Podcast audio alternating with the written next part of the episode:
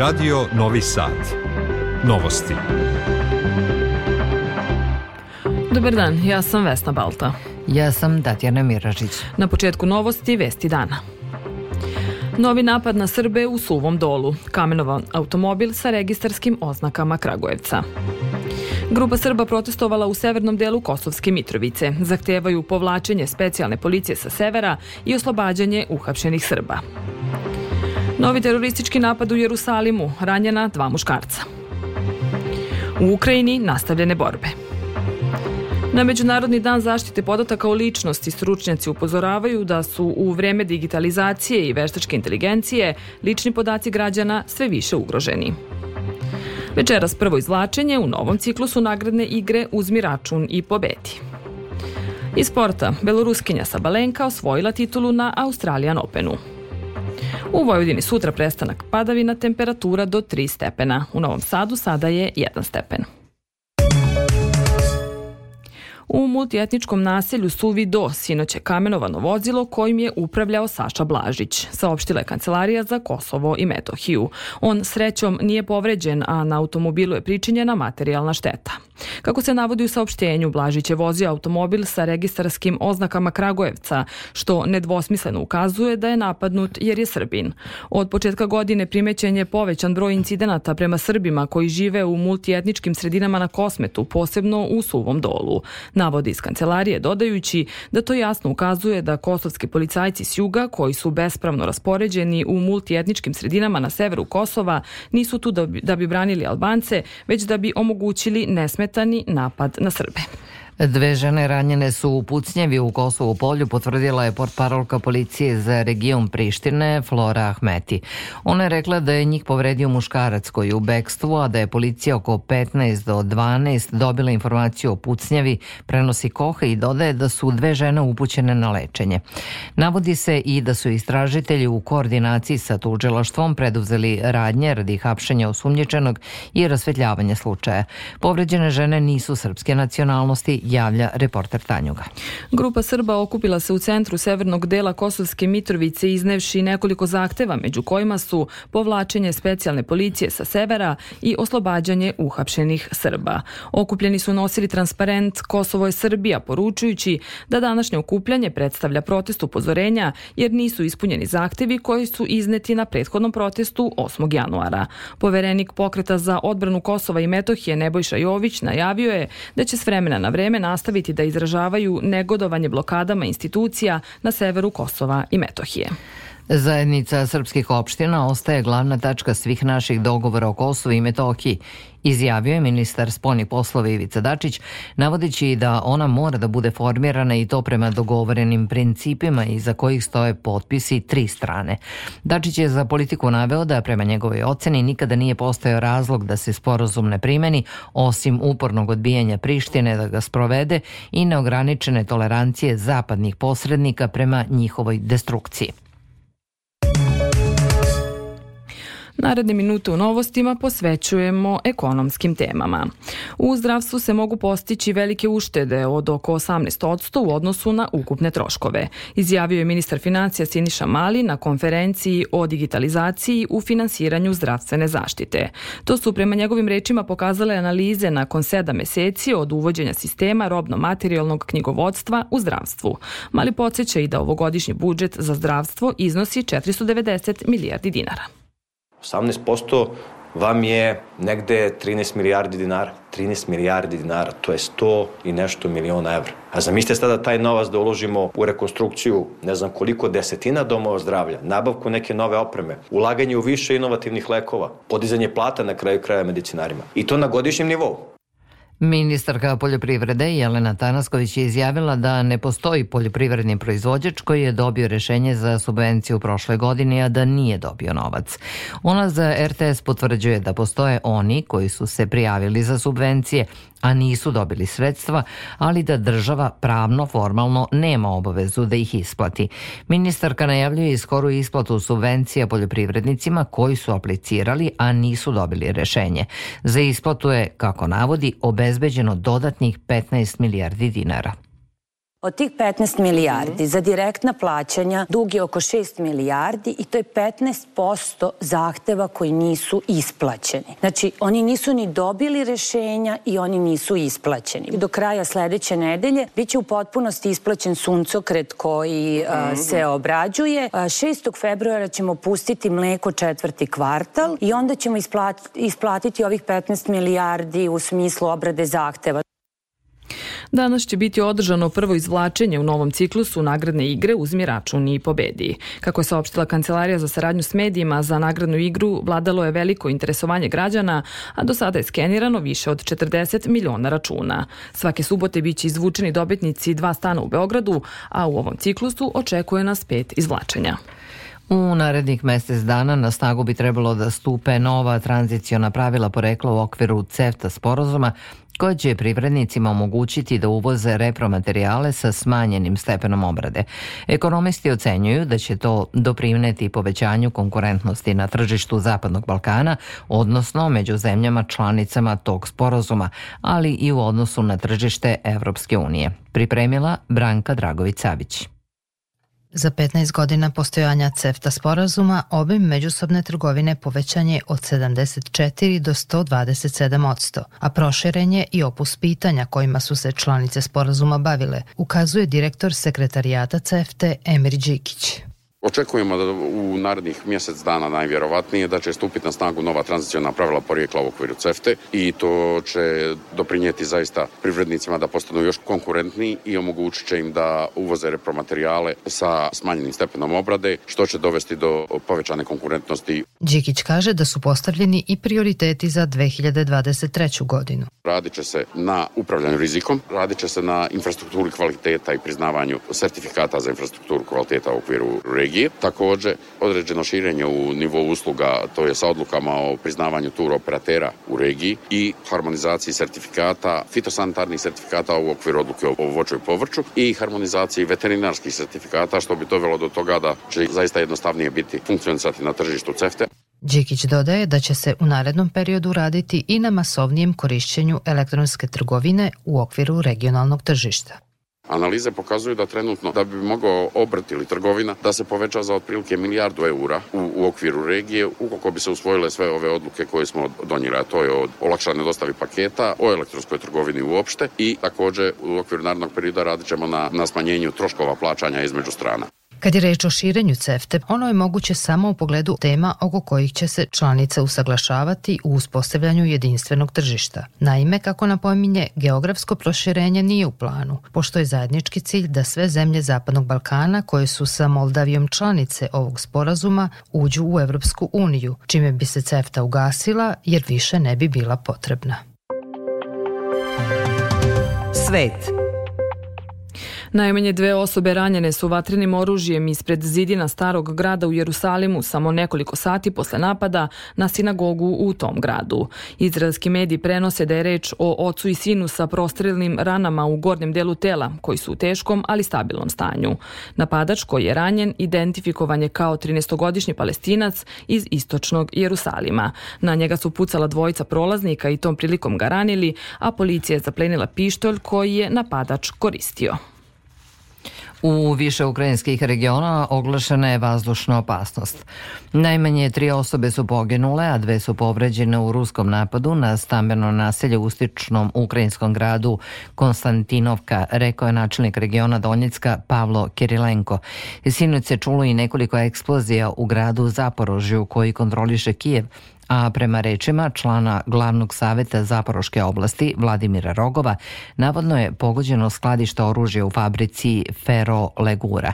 Ukrajinski ambasador u Francuskoj Vadim Omelčenko je izjavio da su zapadne zemlje obećale da će poslati Kijevu 321 teški tank da bi se suprotstavio ruskoj invaziji. A Ukrajina ima bezuslovnu podršku evropskog bloka i mora da pobedi ruske snage kako bi odbranila evropske vrednosti. Poručila je predsjednica predsednica Evropske komisije Ursula von der Leyen uoči samita Evropska unija Ukrajina koji će biti održan naredne sedmice. Ukrajina se bori za naše zajedničke vrednosti, za poštovanje međunarodnog prava i za principe demokratije i zato mora da dobije ovaj rat, kazala je von der Leyenova.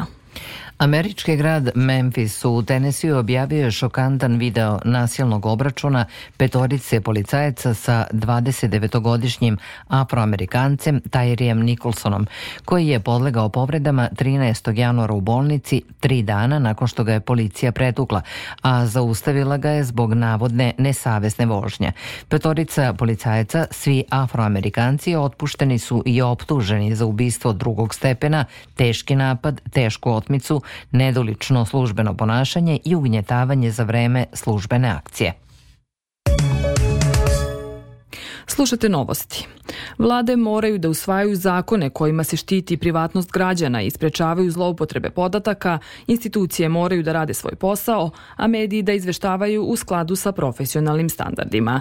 To je poručeno na godišnjoj konferenciji Nedelja privatnosti povodom Međunarodnog dana zaštite podataka o ličnosti koji se obeležava danas.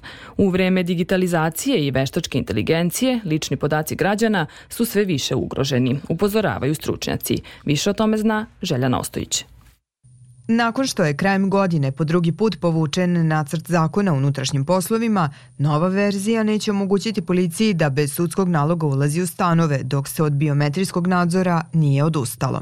Nije sporna legitimnost cilja, odnosno otkrivanje počinilaca krivičnih dela i pronalazak nestalih, ali bi masovni biometrijski nadzor javnih prostora umanjilo prava i slobode građana, kaže za Radio Novi Sad poverenik za informacije od javnog značaja i zaštitu podataka o ličnosti Milan Marinović ako već postoje baze i evidencije tih lica koji su učinioci teških krivičnih dela, tih lica koja su nestala i slično, zašto ne bismo te baze e, upoređivali sa snimkom, tako da snimak e, praktično zaštiti sve ostale koji nisu prepoznati, a da prepozna u grupi one koji se nalaze u bazama. Osim uloge institucija, građani predstavljaju prvu branu u zaštiti podataka, naglašava Marinović i dodaje da je zabrinjavajuće koliko građani olako ostavljaju svoje lične podatke na internetu. U je i da ta tema postane deo nastavnog programa. To postoji u okviru jednog nastavnog predmeta za učenike prvih i drugi razreda osnovne škole, ali želimo na tome damo još veću ozbiljnost, veću odgovornost jer mlađe populacije nam je najranjivija. Oni uh, su ti koji najlakše daju svoje podatke eh, na društvenim mrežama da bi došli do neke sitne koriste, da bi skinuli neku igricu ili tako nešto i onda daju sve živo od sebi. Privatnost je u srži ravnopravnosti. Istakla je poverenica za ravnopravnost Brankica Janković, dodajući da se kršenjem ovog prava pravi korak ka diskriminaciji. Sredstvima pokrajinske vlade i gradske uprave Poljoprivredna stručna služba u Kikindi završila je program besplatne agrohemijske analize zemljišta. Protekle godine obrađeno je više od 900 uzoraka, tako da će poljoprivrednici imati priliku da na najbolji način obave prihranu primenom tačnih količina veštačkog đubriva. Priču donosi Branislav Ugrinov. Poljoprivredna stručna služba Kikinda već tradicionalno duže od pola veka obavlja agrohemijsku analizu zemljišta kako bi poljoprivrednici imali jasan uvid u sastav zemljišta na svojoj parceli i na taj način uštedili prilikom primene i onako skupog đubriva. Sredstvima pokrinjske vlade i grada Kikinde poljoprivredna stručna služba obavila je više od 900 besplatnih analiza, podsjetio Mladen Đuran, direktor poljoprivredne stručne službe u Kikindi. Odziv poljoprivrednih proizvođača je bio veoma dobar i svi oni su dobili preporuke za đubrenje, odnosno odnosno za primjenu te agrotehničke mere. U svakom slučaju, obzirom da su inputi naročito poslednjih godinu dana izuzetno visoki, cena đubriva takođe, e, analiza je veoma interesantna da uradimo kao i što smo ranije govorili da đubrivo ne bacimo nego da ga pravilno primenimo. Pod ozimim strninama je na području Kikinde skoro 30% više površinu u odnosu na protekle godine, najviše je pšenice, ječma i uljene repice, kaže Zoran Simić agronom. Preko 90% pšenica i ozimih ječma se nalazi u fazi bokorenja to je optimalna faza za prezimljavanje, tako da iako bude u narednom periodu nekih, da kažem, umerenih mrazova, neće biti nekih značajnije oštećenja na tim, na tim kulturama. Sada je aktualna N-min metoda, odnosno analiza količine sadržaja nitratnog azota u zemljištu sa namerom da proizvođači primene tačnu količinu azotnih đubriva u prihrani ozimi kultura, podsjeća Đuran. To je isto veoma interesantno obzirom da su azotna đubriva veoma skupa, naročito u poslednjih godinu dve dana, tako da pozivamo poljoprivredne proizvođače da u, ukoliko imaju tu potrebu i površine pod ozimim kulturama da svakako dođu i da urade tu analizu. Analiza se odnosi i uzima se uzorak tako da se pokriva od 15 čak do 20 hektara Agrohemijska analiza pokazala je da je kvalitet zemljišta sličan kao u proteklih nekoliko godina, ali i da količina humusa opada. Kikinda i dalje područje sa visokim sadržajem kalijuma, tako da je preporuka struke da poljoprivrednici razmišljaju o fosfornim đubrivima i humanizaciji zemljišta. A nakon poljoprivrede govorimo o zdravstvu. Evropska nedelja prevencije raka grlića materice obeležava se po 17. put u našoj zemlji. Kampanja treba da podstakne žene da razmišljaju o značaju očuvanja reproduktivnog zdravlja, kao i o neophodnosti korišćenja dostupnih mera prevencije. Statistika na severu Banata, nažalost, uklapa se u opštu poraznu statistiku, pa je samo prošle godine otkriveno devet karcinoma grlića materice. Opširnije Tatjana Popović. Već godinama unazad rak grlića materice jedan je od vodećih uzroka oboljevanja i umiranja u ženskoj populaciji u našoj zemlji. Svake godine oko 1000 žena u Srbiji oboli, a 500 izgubi život od te bolesti koja se može sprečiti. Prema rečima doktorke Branislave Davidović, načelnice ginekološko-akušerskog odeljenja Kikinske opšte bolnice i Sever Banata je, nažalost, deo te porazne statistike. Na ginekološkom odeljenju opšte bolnice Kikinda u prošle godine je urađeno 99 biopsija. PH nalazi su ukazani ukazani na 24 premaligne promene i otkriveno je 9 karcinoma grlića materice.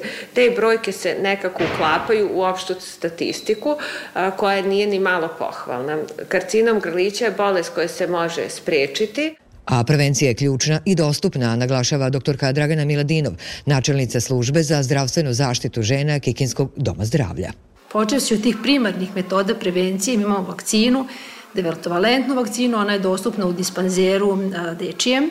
Imamo sekundarne metode prevencije, znači redovno uzimamo papa briseve sve žene, svim ženama koji nam, koje nam dođu jednom godišnje. S druge strane, ukoliko pape nisu dobro mogućnosti smo da napravimo kolposkopski pregled koji takođe spada u preventivni pregled. Neredovnim preventivnim pregledima svakako je doprinela i COVID pandemija, ali ne sme da bude izgovora u borbi za sobstveno zdravlje i život. Nažalost, neke karcinome od, otkrijemo u podmaklom stadijumu. Sad, dosta tome je doprinala i COVID e, epidemija, tako da se žene nisu redovno kontrolisale poslednje ovih poslednjih ove dve godine. Najbitnije od svega preventivni ginekološki pregledi jednom godišnje sa papa Nikolao Brisom.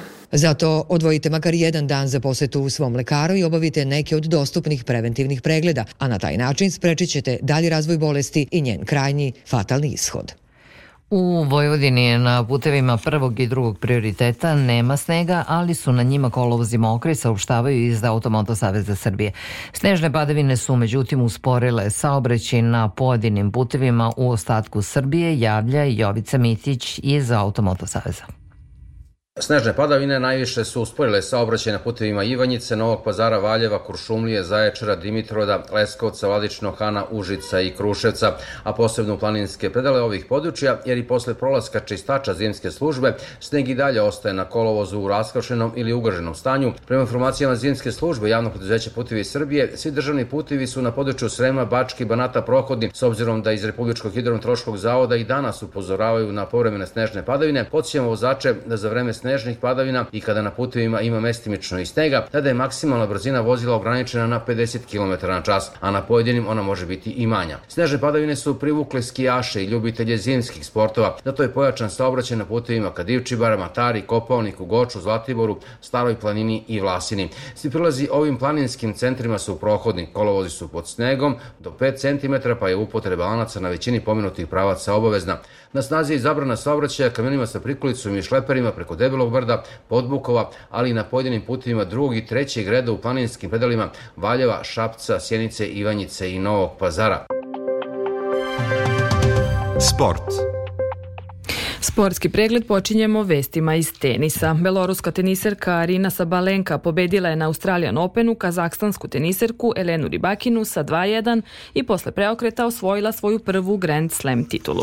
Četiri trenutno najbolja vaterpolo tima Srbije nadmetaće se danas za plasman u finale Kupa Srbije. U prvom polufinalu od 17 časova boriće se vaterpolisti Novog Beograda i Partizana, a u 20 časova će za ulazak u finale igrati radni radnički i crvena zvezda.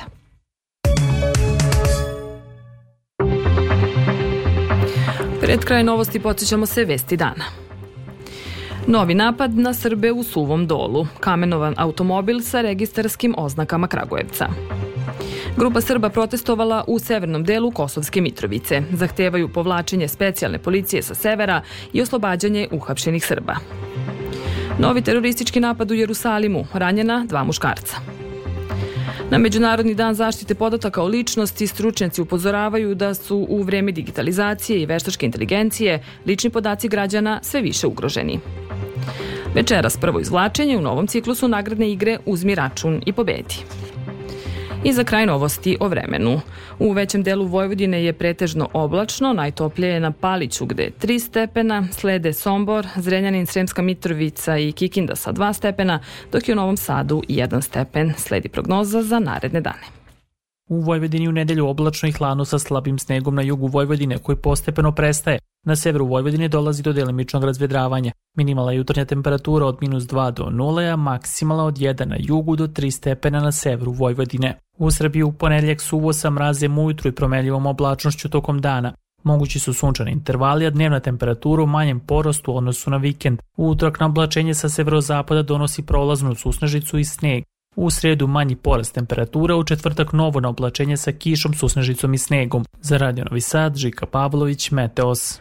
Slušali ste novosti prvog programa radija Radio Televizije Vojvodine. Novosti tonski realizovala Nevenka Ćuk. Pred mikrofonom bili Vesna Balta i Tatjana Miražić. Ostanite uz naš program, želimo vam prijetno popodne.